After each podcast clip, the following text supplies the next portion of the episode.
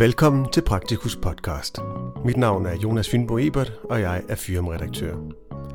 Denne podcast er en oplæsning af artiklen med titlen Tidligere opsporing af ovariekancer i almen praksis.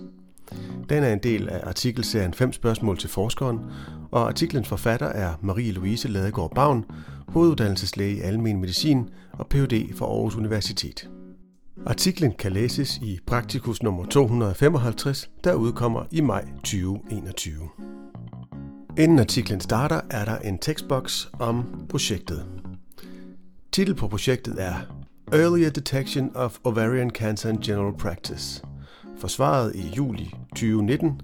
Vejleder Peter Vedsted, Lone Kjeld Petersen, Hanne Nørgaard Heje og Margit Dueholm. Artiklens tekst starter her. Ovariekancer er den mest dødelige af de gynækologiske krafttyper. Dette skyldes primært, at kræften har spredt sig på diagnosetidspunktet.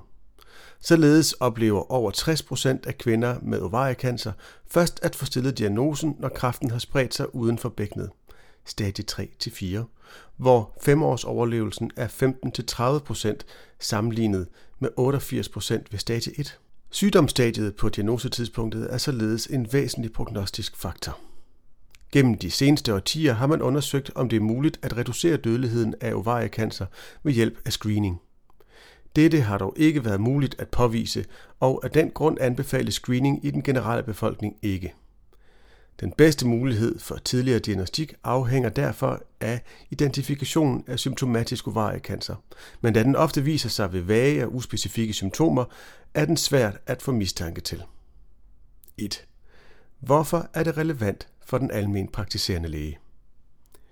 Studiet viser, at mere end 90% af kvinder med ovariekancer præsenterer sig med symptomer i almen praksis forud for diagnosen, og mere end 60% har initialt vage og uspecifikke symptomer. Det er netop disse vage og uspecifikke symptomer, som udfordrer og risikerer at forsinke diagnosen, da de ofte simulerer langt hyppigere lidelser, som f.eks. irritabel tyktarmsyndrom, cystitis og dyspepsi. Hvis den praktiserende læge har kraftig mistanke til ovariekancer, f.eks. ved fund af en udfyldning i underlivet, skal kvinden henvises direkte til et kraftpakkeforløb. Det er dog kun ca. 36% af kvinderne med ovariekancer, der bliver udredt i en kraftpakke. Så kraftpakken kan ikke stå alene i udredningen af ovariekancer. Hvis den praktiserende læge mistænker kræft hos en kvinde med uspecifikke symptomer, kan kvinden henvises til diagnostisk center. De uspecifikke symptomer indikerer ikke én specifik krafttype, men kan repræsentere forskellige underliggende sygdomme eller krafttyper.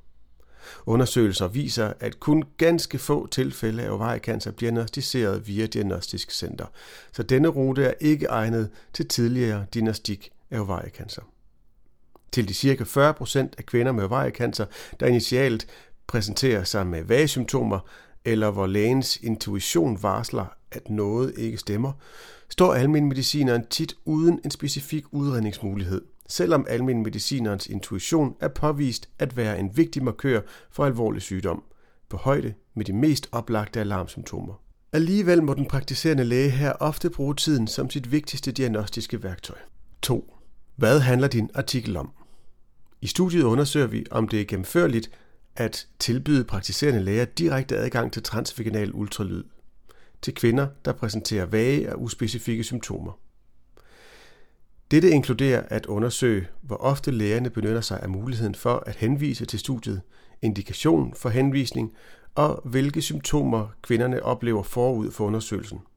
Herudover undersøger vi, hvilke fund, der gøres ved transvaginal ultralydsscanning, og hvorvidt den henvisende læge følger op på kvinder med en normal undersøgelse. 3. Hvordan er dit studie udført? Praktiserende læger i dele af Region Midtjylland fik tilbudt direkte adgang til transvaginal ultralydsscanning fra 1. april 2017 til 30. april 2018. Kvinderne kunne henvises, hvis de var 40 år eller derover og præsenterede vage og uspecifikke symptomer. Kvinder, der opfyldte kriterierne for kraftpakkeforløb, skulle fortsat udredes i kraftpakken. Lægerne var orienteret om, at en normal transvaginal ultralydsscanning ikke kunne udelukke ovariekancer, og at det derfor var vigtigt med opfølgning i almen praksis, hvis symptomerne fortsatte. Alle henviste kvinder modtog et spørgeskema inden undersøgelsen. Her blev de bedt om at angive, hvilke symptomer de havde oplevet forud for undersøgelsen. Vaginalscanningerne blev udført ugenligt på Aarhus Universitetshospital og på Randers Regionshospital af trænede sonografer og sygeplejersker under supervision af gynækologiske speciallæger. Efter undersøgelsen modtog den henvisende læge en epikrise. Der var overordnet tre mulige udfald efter transvaginal ultralydsscanning. 1. Undersøgelsen var umiddelbart normal.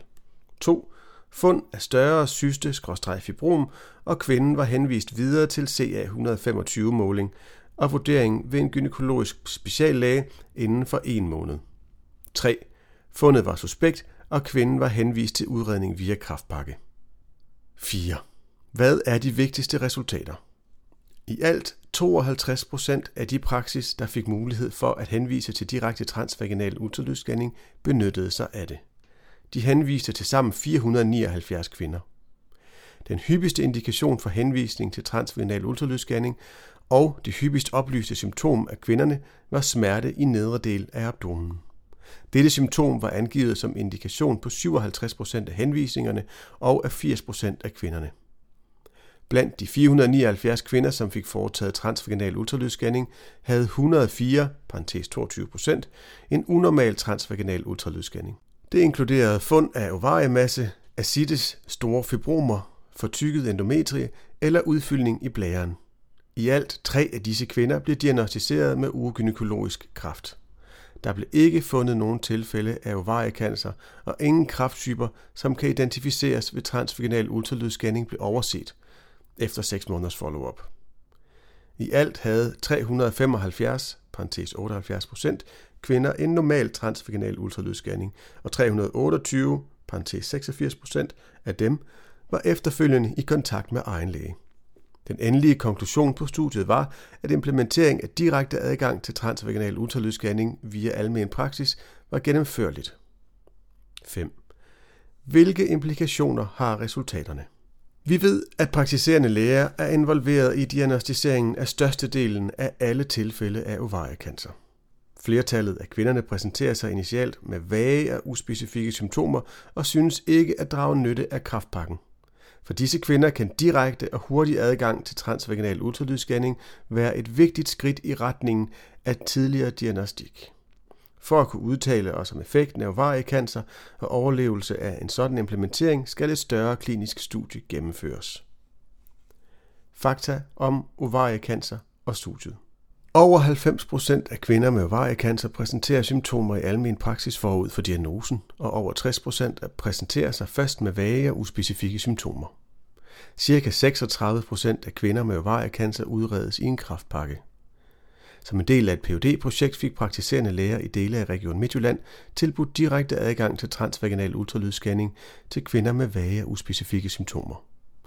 Studiet viser, at det er muligt at implementere direkte adgang til transvaginal ultralydsscanning via almen praksis.